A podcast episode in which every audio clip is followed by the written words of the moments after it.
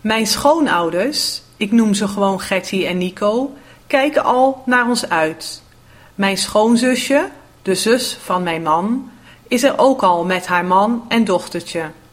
Zij wonen in Engeland, dus het is extra leuk om ze te zien en met z'n allen bij elkaar te zijn. Smiddags lopen we wat door de wijk en voeren de eendjes en spelen in de speeltuinen in de wijk. De kinderen vinden het heerlijk om op de grote klimtorens te spelen en van de glijbanen af te gaan.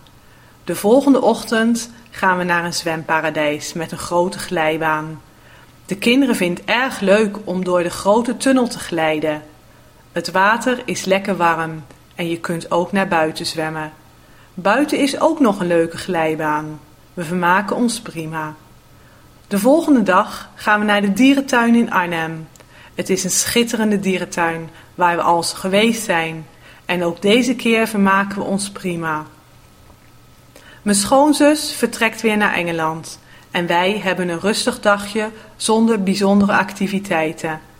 We bezoeken nog een kasteel met een mooie tuin en dan pakken wij ook de auto om weer wat vakantie te vieren alleen met ons vijven.